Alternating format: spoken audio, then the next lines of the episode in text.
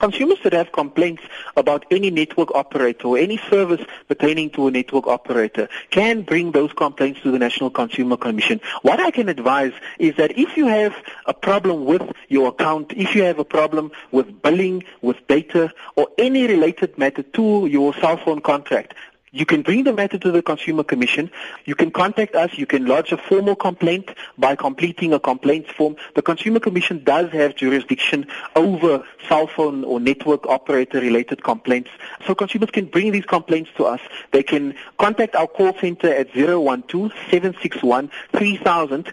They can explain the, the merits of their case to them. They will then receive a complaint form which they need to complete.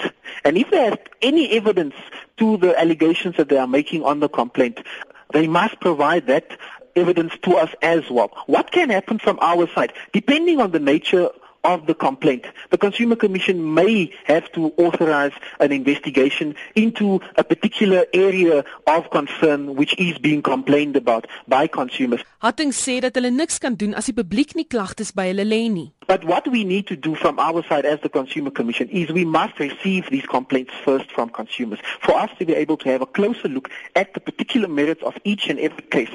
And it is then that we will take a particular course of action that will address the concerns that are being raised by consumers.